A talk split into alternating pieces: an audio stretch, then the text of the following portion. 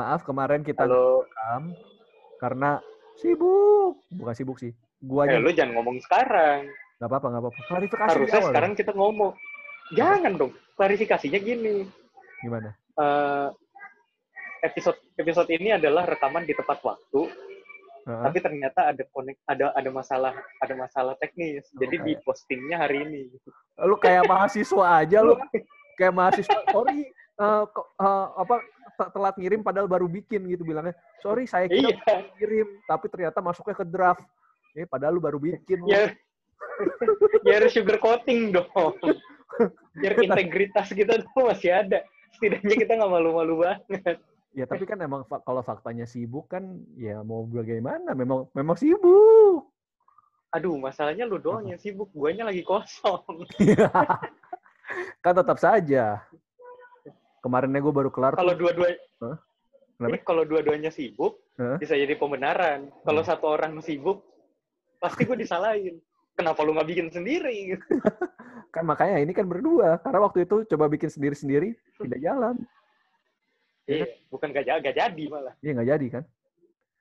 Jadi itu itu tadi penjelasannya ya. Udah sudah di- cukup dijelaskan dengan selintingan-selintingan ala-ala kita. Intinya sih sebenarnya gini, eh, mulai mulai dari minggu ini sampai minggu-minggu ke depan, sampai tanggal 31, kemungkinan Heeh. antara kita bikin di hari Kamis, biar hari Jumatnya bisa di-post tanpa kita harus di hari Jumat itu kalang kabut, Heeh. atau ya hari Sabtu baru ada dan dua Iya. episode langsung rilis gitu. Kayak gitu. Soalnya Jumat pasti nggak ketemu nih Iya. antara Aldo yang sibuk dengan dengan kuliahnya atau gua yang sibuk dengan kerjaan gua Nah. gitu. Makanya. Karena nggak tahu kenapa dosen-dosen tuh sering banget ngasih deadline di Sabtu sama Jumat. Makanya kemarin Nah tuh itu kemarin tuh gue kerjain laporan jam 7 kelar, tapi kan gue masih ngecek lagi. Terus masih nge-scan, Hmm. nge-scan, nge-scan. Ya itu kan sampai malam. Kalau misalkan, eh udah Iya. terobos aja lah. Jam 10 rekaman, eh, mabok. Capek, Pak. Ntar ngomong nah, apa iya, gua? sedang sedangkan nah sedangkan gua di hari Jumat biasanya sih pulang malam. Pulangnya Nah. malam banget kalau lagi ada acara-acara. Heeh. Tapi kalau misalkan nggak ada acara ya gue tetap pulang jam 7. Iya.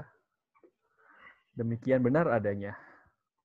Iya. Ya uts lah. Eh, Oke, selamat datang di sebuah siniar, sebuah podcast dari sebuah kesebuahan.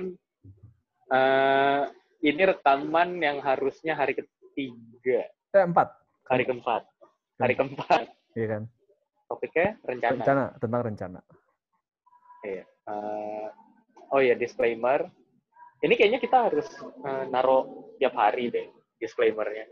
Heeh. Jadi ini eh, shout out buat suaranya podcast dan thepodcaster.id yang udah bikin kayak thepodcaster.id yang bikin challenge 30 hari bersuara tapi si suaranya yang eh, Membantu bagus dan menyuarakan. menggaungkan. Heeh. Iya, membantu menyuarakan.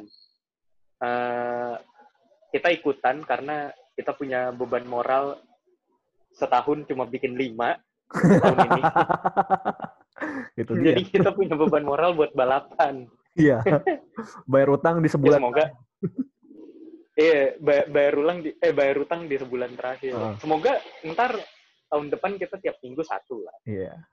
Dan Semoga. Amin amin ya Allah. Maksudnya Heeh. kita membuktikan kalau Desember kita bisa-bisa aja nih iya, dengan daya lenting yang baik gitu. ya lenting yang baik. Eh tapi kalau Tiga hari udah jalan nih kemarin. iya. dan dan tiga hari kemarin ini ternyata playnya cukup besar ya. Setelah enam bulan Iya. tidak podcast, playnya masih yang yang episode 54 hari pertama tuh 15. Ini sampai hari Sabtu jam 8.30 nih ya. Jadi kalau misalnya ntar udah update lagi, ntar bakal kita update. Hari kedua Iya. eh, itu 12 play, hari ketiga 10 play. Ternyata lumayan gitu. Lumayan rendah sih. Cuma ya oke lah. Setelah setahun coba bikin lima episode, Iya. ternyata tiga episode itu ada aja mas yang mau denger. Gak ngerti gua. Iya, Siapa yang dapat notification-nya kan? Bisa 15 orang kan lumayan. makanya. Selain promo-promo dari mulut ke mulut atau Iya. teman atau teman kantor Anda yang mempromosikan, Eh dengerin nih. Nah itu gue ngisi." yakin. Ada ada beberapa teman gua. Beberapa teman gua ngepromosiin ke, tem- ke teman kantornya. Oh di kampus kan? Ah, bukan teman, Maksudnya eh, temen lu kan? ya teman gua. Kalau temen gue sih kayaknya nggak ada. Nggak ada ya. Nah, Bukan nggak ada sih, nggak tahu sih ada apa nggak tahu ada apa enggak ya. Gue nggak pernah nanya. Ya makanya.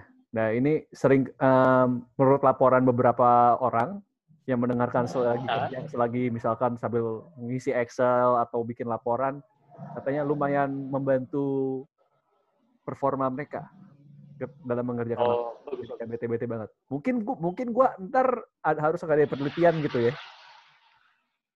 Eh, subjeknya berapa Bisa sih. orang gitu kan. Jadi kayak pengaruh. Pengaruh pengaruh- podcast pada keaktifan pekerja eh. tapi podcastnya spesifik. atau konsentrasi. Iya, spesifik gitu. Spesifiknya sebuah siniar. Iya. Terus ntar sama sama sama pengujinya sama dosennya, ini podcast kamu. iya, tapi tapi jadinya lebih lebih ilmiah karena kita bikin sendiri. iya. Otomatis itu kontrol kan. Nah, betul. Iya dong, karena kita tahu kontennya. Jadi Iya. lebih terkontrol nih apa Heeh. yang kita kasih, manipulasinya. Nah, Eh, masih ingat gue ternyata. iya makanya. Tapi repot ah lu ah. Bikin kayak begitu. Ngapain coba? Ide random aja Ya, ya. mana tahu, Bang. Nih, nih, nih mana tahu nih ada ada anak-anak eh, S1 psikologi gitu lagi lagi bingung mau bikin skripsi apa. Nah, mungkin bisa pakai yang itu. Ntar ntar hubungi Iya. aja ya. Dan kita ngizinin kok asal lu minta izin. Iya. Minta izin aja gitu kan. Nggak apa-apa ntar. Ya kan Iya, itu untuk minta izin masuk. sih kan. Iya, lumayan. ya kalau nggak ngizin sih nggak apa-apa juga. Cuma sebelah aja sih. Iya, nggak, nggak ngizin gitu ya. Soalnya kemungkinan bakal kita bantuin buat nyebar Iya. survei juga. Kalau Betul. mau nyebar survei. Betul sekali. Atau Apa tadi? ya eh, marketing gitu kan. Heeh.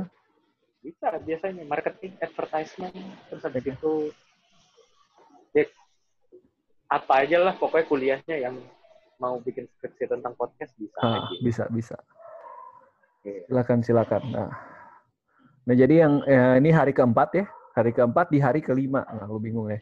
Topiknya mengenai rencana. Iya. Kan? Tadi kan lu ngomong ada yang lu mau ngomong soal rencana nih. Ini gimana nih pendapat lu nih? Eh, jadi gini, gue kepikiran sih eh, kemarin. Jadi tuh ceritanya, ini cerita pribadi dari tahun 2020. Eh, pada saat episode 54, kan gue pernah bilang kalau eh, tahun 2020 adalah tahun di mana eh, buat semua orang tai, tapi secara gue pribadi, eh, gue merasa accomplishment-nya paling banyak Dan- Hmm.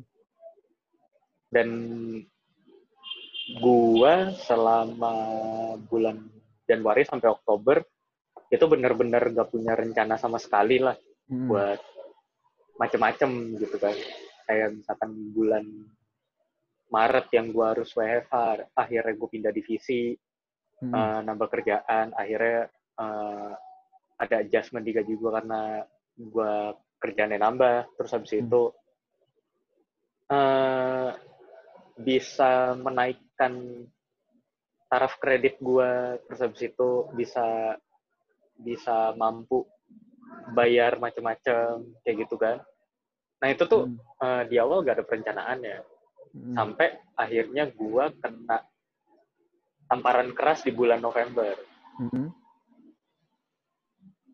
di tanggal 27 Heeh. 27 November jadi eh, intinya sih sebenarnya sampai malam eh, gajian belum turun Hmm. Dan lo tahu rekening gue sisa 3.108,83 rupiah Buset dah. panik lah saya Heeh. nah itu eh, itu membuat diri gue lebih aware dengan eh, keuangan gue gue ngerasa eh, kayaknya harus harus diren- harus mulai direncanakan kayak gitu kan gue Hmm. sampai akhirnya bikin rekening baru buat tabungan gue eh, baru kemarin dapat Hmm. terus habis itu gue bisa lebih menata keuangan gue sekarang Hmm. biarpun biarpun eh, bulan ini kayaknya sih ya kayaknya sih pengeluaran gue lebih sedikit Hmm. tapi jumlah uang yang gue pegang juga lebih sedikit gitu Hmm. tapi lebih terencana sekarang nggak ada pembelian-pembelian nggak penting yang nggak perlu dilakukan sekarang gitu. Mm-hmm. Nah, uh, itu itu itu big story doang. Uh, tapi yang uh, hal yang menampar gua adalah ketika gua um, rencananya terlalu banyak, punya planning yang terlalu banyak, itu nggak bakal ngasilin apa-apa. Tapi ketika gue buta pun Mm-hmm. nggak ada yang jadi gitu. Di di situ sih uh, gue baru belajar kalau sebenarnya lo merencanakan sesuatu tuh bagus. Mm-hmm. Tapi kalau misalkan ngerencanain terlalu banyak sampai lo takut macem-macem, Mm-hmm. nggak bakal jadi. Di sisi lain juga kayak gitu. Kalau misalkan lo ngerencanain, eh lo tiba-tiba terjun aja, terobos aja anjing ah, Mm-hmm. terus habis itu lo nggak pakai ngerencanain apa-apa ya sama aja, sami mawon. Lo nggak bakal nggak bakal tahu apa yang mau dikerjain. Itu sih menurut gua. Jadi eh, berencana pada kadar yang tepat gitu ya. Jangan, Yoi. jangan over complicating, jangan over thinking, tapi juga Simplifying, tapi, jangan oversimplifying. Nah, iya, tapi juga jangan oversimplifying gitu kan. Karena emang cenderung banget nih gue ngelihat ya di temen-temen sekitar gue, eh, Hmm. mereka ngakunya planning, tapi sebenarnya itu overthinking. Iya. Kayak ntar kalau begini gimana, ntar kalau begitu gimana. Nah sebenarnya nih ada mau gue bahas sedikit tentang overthinking. Overthinking itu wajar, itu lumrah, orang semua ngelakuin. Apalagi kalau kita ngomongin usia-usia kayak kita ya, itu banyak Iya, banget usia memang. emas, usia emas. kan orang ngomong quarter life. Iya. Orang Iya, bilang quarter life Life crisis. crisis. Oh Padahal iya, quarter life crisis. ya. sebenarnya usia-usia sekitar nih kalau kita lihat angka harapan hidup Indonesia ya, 20-30 tuh eh sepertiga Udah life. sih. Iya, Sepertiga, iya, third life atau half. ya angka harapan hidupnya sih biasa 70-an gitu. 60-70 kan ya kan. Iya, 60 Jadi 70. maksudnya gini kayak eh pikiran manusia tuh kan terbatas ya nih. Ini gue jadi ngomong-ngomong sedikit psikologi gitu ya. Dan juga kemampuan yang kita bisa pelajari selama hidup kita tuh juga terbatas. Kecuali orang orang-orang jenius multi talenta yang bisa mempelajari banyak hal sekaligus. Emang ada beberapa, tapi rata-rata orang kebanyakan nggak seperti itu. Jadi emang ada beberapa hal yang kalau kita mencoba overthinking di dalamnya, itu di luar kapasitas kita. Nah, kalau sesuatu di luar kapasitas kita pasti bikin kita jadi lebih rentan, jadi gampang stres, jadi gampang cemas, jadi gampang ya muncul gejala-gejala inilah gejala-gejala ke- uh, gangguan kesehatan mental gitu. Nah, Iya.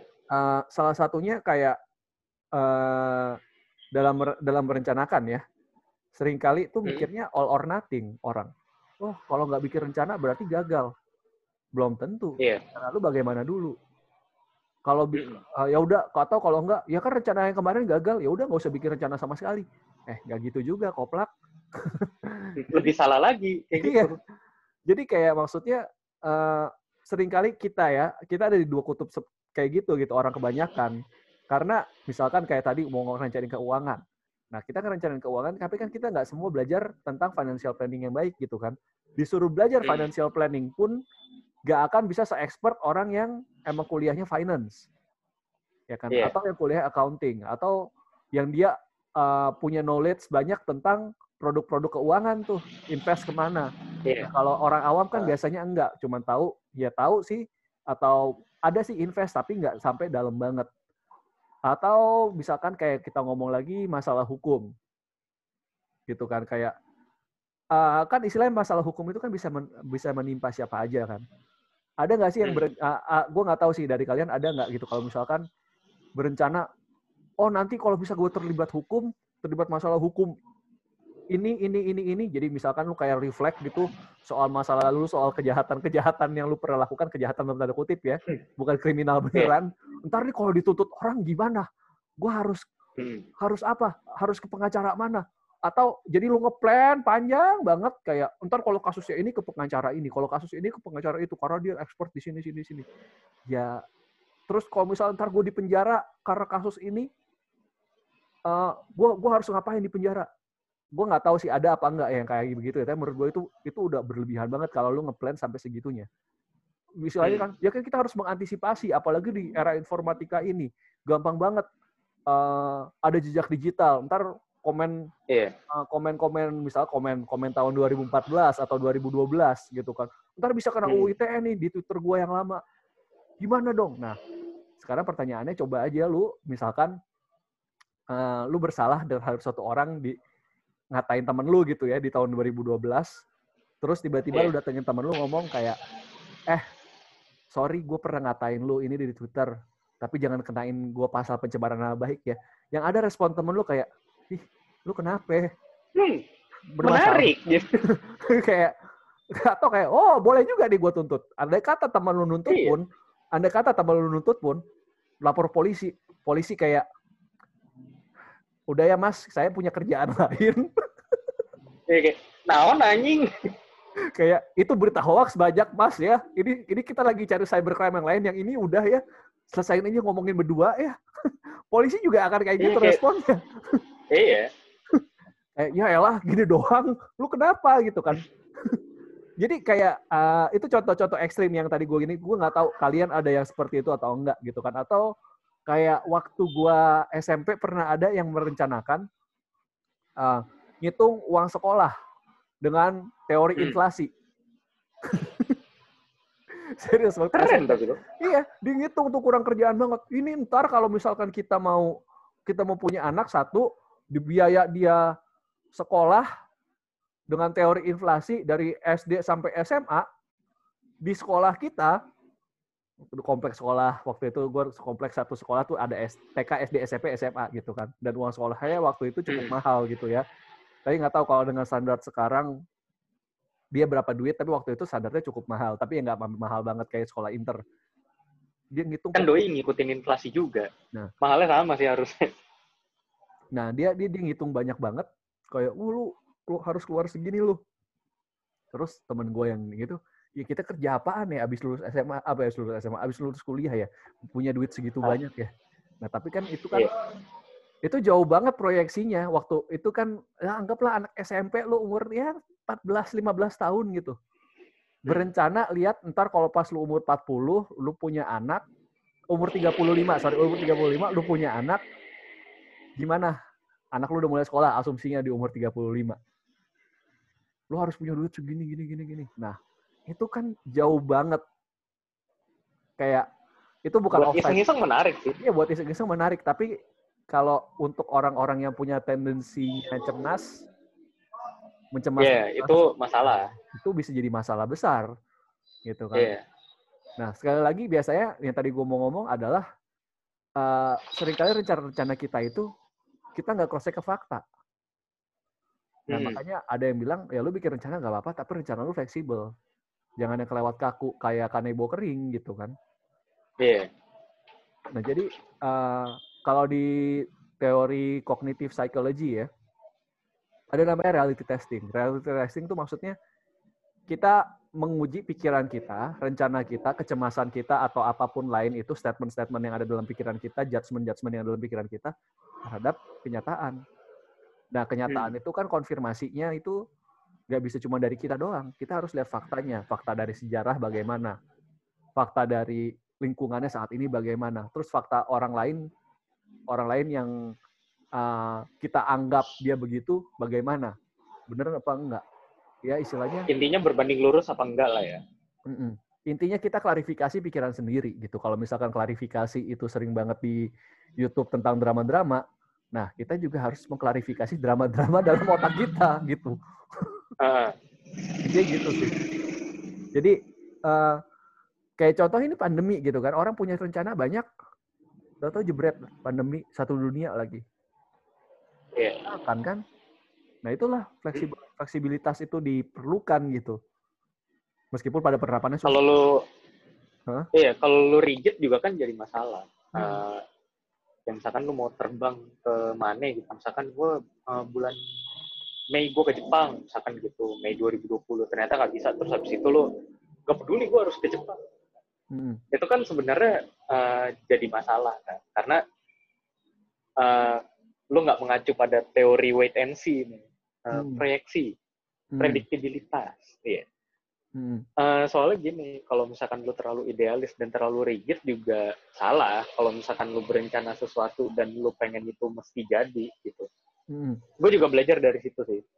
Eh, jadi ceritanya gini, Hmm. gue sebenarnya dari bulan dari bulan berapa ya? Dari bulan Agustus Hmm. Itu pengen ganti HP nih. Ceritanya ya. Hmm.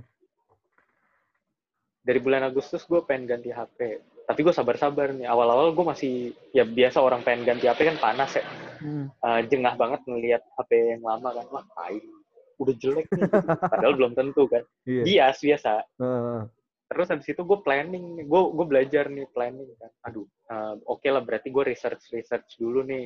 Hmm. eh HP apa aja yang yang di bulan itu kira-kira jadi rekomendasi apa rekomendasi reviewer gitu kan Hmm. terus nih wait and see terus-terusan bener-bener gue cuma ngeliat dari pokoknya gue pernah sampai 7 HP Hmm. gue kecilin lagi kan gue kecilin gue kecilin sampai akhirnya tinggal tiga Hmm. nah HP yang gue beli sekarang itu nggak termasuk di dalam tiga itu di awal Hmm. karena eh, pokoknya seingat gue, seingat gue tuh di bulan Oktober gue udah punya 4 HP yang udah pasti, harganya eh, rata-rata sama semua. Hmm. Terus habis itu yang satu akhirnya nggak jadi karena menurut gue nggak sesuai sama spesifikasi yang ada. Hmm. Akhirnya tinggal tiga. Hmm. Terus habis itu di bulan November itu udah itu kalau kata ini kalau kata orang-orang beriman tuh pergumulannya ada. Oke. dari tiga itu Hah? dari tiga itu eh, akhirnya gue liatin kan gue liatin ah, ada diskon kayak ada bonus kayak gitu gitu Hah? kan maksudnya kan lo nggak mungkin ngeluarin duit gede tapi lo nggak dapet sesuai dengan apa yang lo pengen gitu kan Hah? karena tanggungannya gede gitu kalau misalkan nyesel gue bisa bertahun-tahun tuh nyesel kayak gitulah istilahnya Hmm. akhirnya nih eh yang satu nggak jadi terus habis itu tinggal dua nih dari merek yang sama Hmm. Desember gue memutuskan buat ah terobos aja anjing lah gitu kan Heeh. akhirnya gue beli yang satu tapi yang versi mahalnya dan sekarang jadilah begini gitu kan Hmm. nah itu kan sebenarnya eh itu yang apa apa ya apa yang jadi pelajaran di cerita gua? Planning tuh penting tapi jangan berlebihan. Kalau misalkan berlebihan ya jadinya lu malah nggak jadi jadi beli gitu kan. Hmm. kayak lu udah harus fix sama satu endingnya gitu. Nah eh tapi kalau misalkan gak ada rencana asal main beli juga bahaya juga. Hmm. kayak gitu. Asal lu main eksekusi doang. Kayak apa ya kayak lu deh Dok, misalkan Hmm. eh, berbulan-bulan lo di masa pandemi lo harus eh, kuliah online S2 eh, nggak punya hiburan Hmm. akhirnya lo beli PS4 kan Hmm.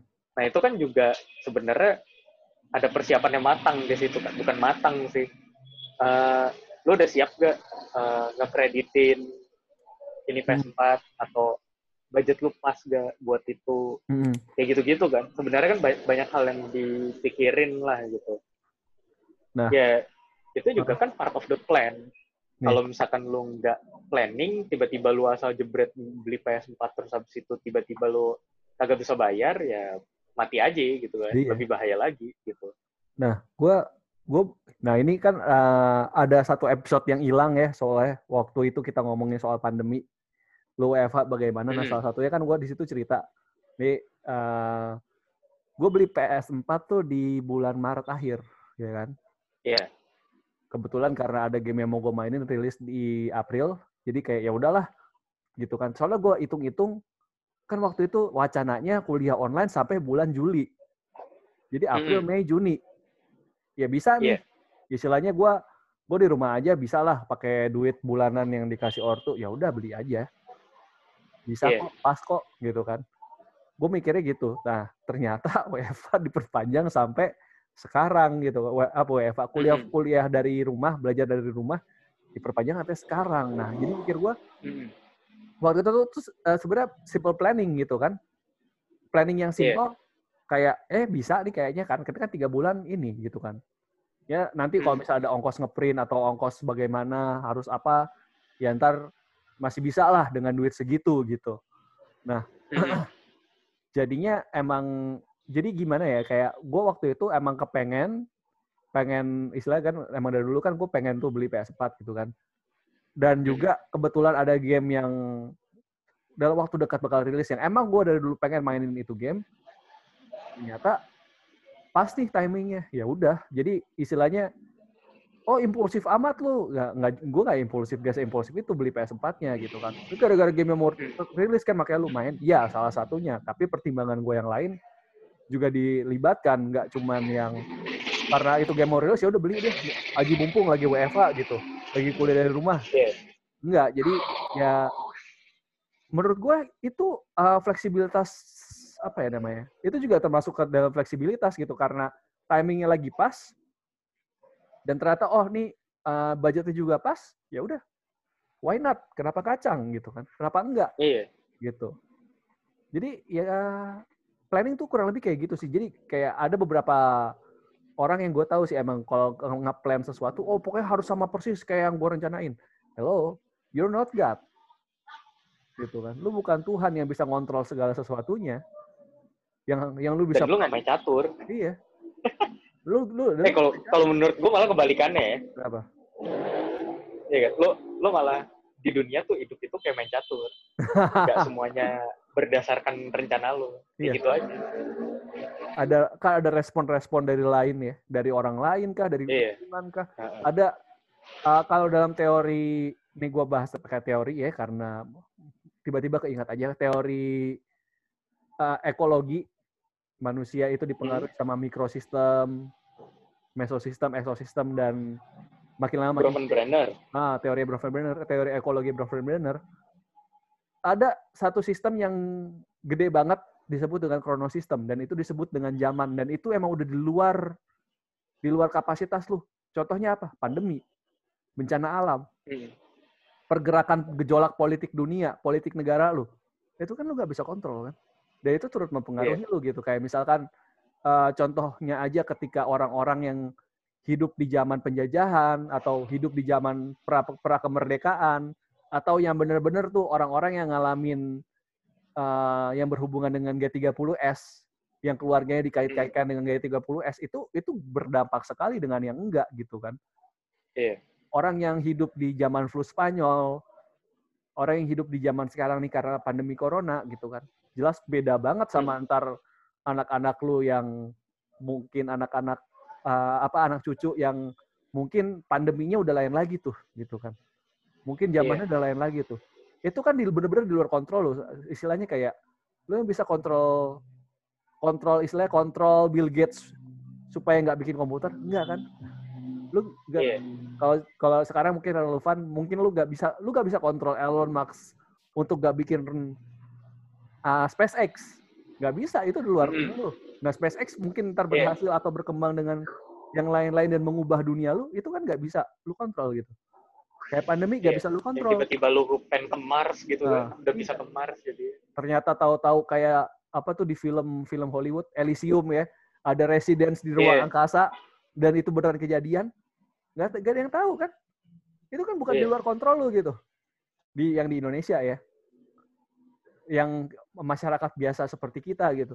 Itu kan di luar kontrol kita gitu. Kecuali kalau misalnya lu kerja sama Elon Musk gitu ya lu kepala proyeknya SpaceX nah mungkin itu kontrol lu. Tapi kebanyakan kita kan enggak ya. Nggak nggak punya kontrol sehebat itu gitu.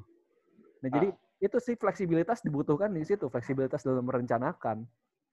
Gitu sih. Betul sih. Ya. Lo harus punya sebenarnya bukan harus punya plan A, plan B, plan C dan segala macam enggak. Itu sambil jalan sih. Heeh, Tapi planningnya yang paling pertama udah ada. iya Kalau menurut gue sih gitu. Yang penting yang penting di awal lu udah ada fondasinya nih. kalau pondasi udah ada uh, kalau misalkan itu sesuai rencana tinggal jalanin rencana yang ada kalau misalkan nggak sesuai ya udah fleksibel aja jangan sampai lo merasa kecewa dan overthinking karena merasa kalau planning lo nggak sesuai dan tidak Hmm. sejalan gitu ya endingnya nanti lo kecewa sendiri terus habis itu lo ngerasa kalau plan lo gagal padahal masih ada apa ya nanti pasti masih ada yang bisa diambil juga Ya. gitu kan Betul. Masih ada yang bisa diambil, masih ada yang bisa istilahnya kayak yang itulah balik lagi ke nasi udah jadi bubur gitu. Ha, balik lagi sih iya, betul bubur Tapi masih ya bisa itu, dikecapin kasih sebelum- kerupuk gitu kan. Hah? Sebelum apa? kalau itu kan kalau itu kan eh, nasi udah menjadi bubur nah Ah. ini eh, kita ngomongin yang sebelumnya nanam padinya nih Ah, iya. Iya kan, konsepsi dari lu nanam padi sampai jadi either Ah. nasi atau bubur tuh Ah, di sini itu perencanaannya gitu. iya iya benar benar benar. Iyalah terlalu terlalu banyak mikir berasnya mau nan eh padinya nanti mau jadi apa kagak jalan. Iya. Tapi kalau misalkan lu nanam padi terus habis itu nggak tahu cara ngerawatnya gimana juga nggak jadi apa-apa juga. Sama. Ngomong-ngomong soal padi, gue keinget satu game. Game baru. Nah. Eh, kan kalau kita biasa familiar dengan Harvest Moon ya. Kalau kita ngomongin farming simulator Harvest Moon. Ini jadi ada satu game baru. Iya. Judulnya Sakuna Rise and Ruins. Itu gue cuma nonton, itu di PS4 ada sih, tapi gue agak berencana beli karena repot banget gila. Jadi ceritanya nih ada ada Dewi diusir dari kayangan gara-gara ada manusia menyelinap ke kayangan Hmm. karena si Dewi ini mau mau mengejar manusia ini bikin kekacauan di kayangan terus sama sama Dewi kepalanya lu harus keluar diasingkan ke satu pulau ada apa itu Hmm. ada apa itu ribut-ribut Hah? Ada apa itu ribut-ribut Biasalah. anak komplek Gua nggak gua nggak tahu itu bahkan anak komplek atau bukan. Kayaknya bukan. kenceng amat suaranya buset ya Biasa mah sih. Kompleknya bukan komplek. komplek ya bukan komplek ya udah lanjut lagi ya Sebel gua. ya emang emang itu kan suara bajai suara motor Iya. sekarang anak-anak teriak Ada apa? PSBB Nah, woi itu yang tadi tuh. Ide ide usaha tuh bener tuh. Iya, iya, Oleh-oleh iya. pondok kelapa jadi racing. toko knalpot. Nah, knalpot racing. Gak ngerti gue korelasinya kenapa kenapa sih ada apa sih orang pondok kelapa sama motor ya. knalpot gitu. iya, spesifiknya motor. Nah, iya. fisik banget anjir. Ya, la- gue lanjutin cerita ya ya. Jadi Lanjut lanjut. ini si Dewi ini diasingkan ke satu pulau dan dibilang di pulau itu dikuasai oleh demon. Nah, lu harus Ah, lu harus mendidik manusia-manusia itu. Di situ lu harus bertahan hidup. Nah, ceritanya jadi lu nanam padi. Jadi si Dewi itu Hmm. udah jadi kayak Harvest Moon, tapi lu juga bisa lawan lawan siluman buat buat dapat dapat material daging atau apa gitu kan. Siluman kelinci atau apa gitu kan. Nah, cara nanemnya kalau kalau kalau Harvest Moon kan cuma nebar benih doang. Ini lu bener-bener kayak eh, kayak orang petani beneran nanam padinya satu-satu sambil jalan mundur. Airnya mesti lu lihat kadarnya berapa. Kalau hujan hmm. ya saluran airnya dibuka biar padinya nggak basah. Terus lu harus menyiangi padinya dari ilalang-ilalang. Dan Iya. pas padinya jadi pun lu harus numbuk padinya biar kualitasnya bagus. Oh, Dan uniknya ini game eh eh, kan game Jepang ya. Yang bikin kebetulan yang Ah. bikin Harvest Moon dia konsul sama kementeriannya Kementerian Pertanian Jepang buat bikin itu game. Jadi akurat banget nah. Tapi mantep sih, realistis jadinya. realistis jadinya gitu. Nah, ini gua jadi jadi ini ya karena padi-padi gitu ya. Nah, itu juga sama kayak itu kan. Lu nanam padi, ya udah lu nanam, Tapi bener, lu mau jadi bubur Tapi apa bener, enggak gitu kan. Heeh. Iya. Tapi bener tuh, eh, game yang tadi itu ngajarin gimana planning dari Iya. awal sampai jadi kan. Heeh. Nah itu kan planning. Iya. Lo nggak terlalu banyak mikirin, tapi juga nggak mikirin sama sekali juga. Iya, gitu. heeh. Kan intinya ya kita tanam padi, kita usaha, kita menyiangi padinya, ngusir ilalang, ngusir hama gitu kan. Iya. Airnya kita pantau. Nah, nanti hasilnya hasilnya seberapa. Nah, itu kan juga kayak lama-lama kita ngerti gitu kan. Oh, kalau kalau airnya segini ternyata padi kurang bagus. Kalau mau bagus, kayaknya airnya harus dikurangin atau tambahin tergantung musim gitu kan. Oh, kalau hamanya ini harus dikasih pestisida lain. Lu lu mungkin ngeracik pestisida beda gitu kan. Nah, itu kan Iya. semuanya planning. Nggak ada kan orang petani yang pertama kali langsung kayak eh gua pokoknya gua harus berhasil. Nanam padi ini harus langsung bagus, grade-nya grade A. Kalau enggak, gua nggak mau Iya. nanam lagi. Ya nggak ada kayak gitu. Jadi Atau lu Hah? cuma asal main lempar benihnya terus habis itu kagak dirawat terus habis Iya. itu kayak lu bilang ya udahlah kalau mau tumbuh tumbuh aja sih itu iya. ya bener itu nggak ada planning kan Heeh. Gitu kan. Dan istilahnya bedain juga ngeplan sama wish, wishing. Planning sama wishing. Iya. Heeh. Beda. Itu beda banget. Seringkali Soalnya- orang bikin sama. Soalnya banyak orang uh, wishing tuh ngayal kan Heeh. ya misalkan lu ya itu tadi kayak misalkan nanam padi terus habis itu oh mau oh, padinya nanti bagus kan terus habis itu Heeh. padinya bagus habis itu uh, bisa dijual pas dijual harganya mahal gue jadi banyak duit gitu. Nggak nggak gitu Tapi tidak dikerjakan. Ada ilalang Ya, ya, dikerjain ternyata nggak eh dikerjain pun ternyata nggak sesuai sama ekspektasi lu itu Heeh. juga salah juga Iya. kebanyakan ngayal juga sih soalnya gitu kan Kayak gue jadi inget eh dongeng ya pas waktu kita kecil kan ada tuh satu gembala yang dia meres susu sapi ya. Wow, wah satu botol penuh, wah sekian botol penuh. Terus dia ngayal. Dia ngayal, tidur, ternyata pas bangun botolnya kesenggol, pecah. Kagak jadi dah. eh Jadi moralnya apa ya? Lu gak usah banyakan ngayal, udah. Kerjain Iya. aja.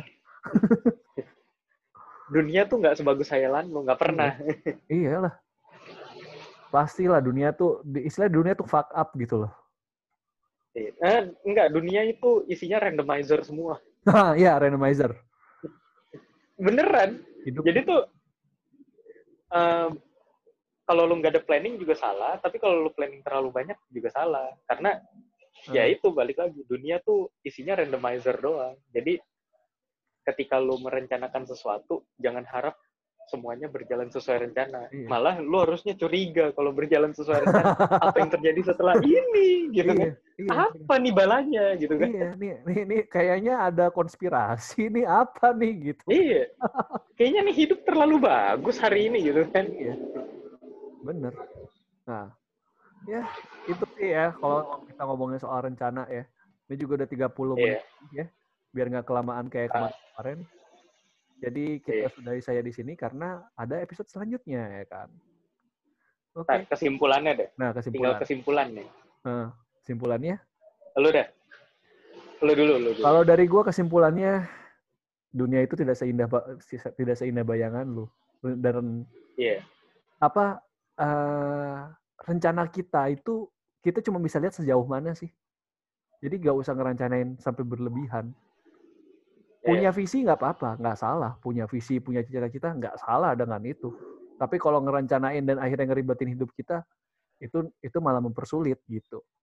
Mm-mm, betul, betul. Istilahnya kayak ketika kita merencanain sesuatu, ada beberapa hal yang harus kita perhatiin. Pertama, eh, istilahnya ini istilahnya itu off rock ya, disingkatnya. Pertama itu, bentar. Kok hilang? Bentar. Karena ini tiba-tiba Aduh. Apa? gue bahas di yang satu lagi deh, di episode berikutnya kayak masih nyambung ya. Nanti deh. Kak, Karena ini berhubungan juga dengan Oke. keinginan. Ntar deh. Eh, yang off rock itu Ah. kita simpan, tapi dari gua itu kapasitas manusia itu terbatas gitu. Kita nggak tahu, kita nggak tahu banyak hal, kita nggak tahu apa yang terjadi di depannya, kita nggak tahu waktu-waktu kita sampai kapan. Jadi ya udah, plannya sebisa kita aja. Tapi bukan berarti asal, bukan berarti ngasal gitu. Mm-mm. Itu dari gua. Nah, kalau dari gua, ya itu, kalau misalkan lu ngerencanain sesuatu tuh, ya boleh, boleh lah lu agak-agak ngayal- ngayal-ngayal dikit, bukan ngayal-ngayal dikit sih. Eh, boleh lah lu merencanakan outputnya tuh bakal apa ketika lu merencanakan sesuatu. Tapi jangan sampai ngayal juga. jangan sampai jangan sampai Hmm. terlalu tinggi juga lo harus tetap merencanakan sesuatu yang realistis juga hasilnya gitu sesuai Hmm. sama kemampuan lo lu mengenal diri lu sendiri kok dan dunia tuh isinya ya balik lagi randomizer ya lu tinggal ngerjain apa yang lu bisa aja sesuai dengan rencana tersebut kalau nggak kesampaian ya lu harus bisa jadi fleksibel nggak boleh nggak boleh ketika satu rencana itu gagal terus habis itu lu ngerasa itu gagal semua Hmm. banyak jalan menuju Roma Iya. salah satu awalnya ya beli Malkis Uh, ya. Intinya sip. ya udah. Oke, sampai jumpa di episode selanjutnya. Eh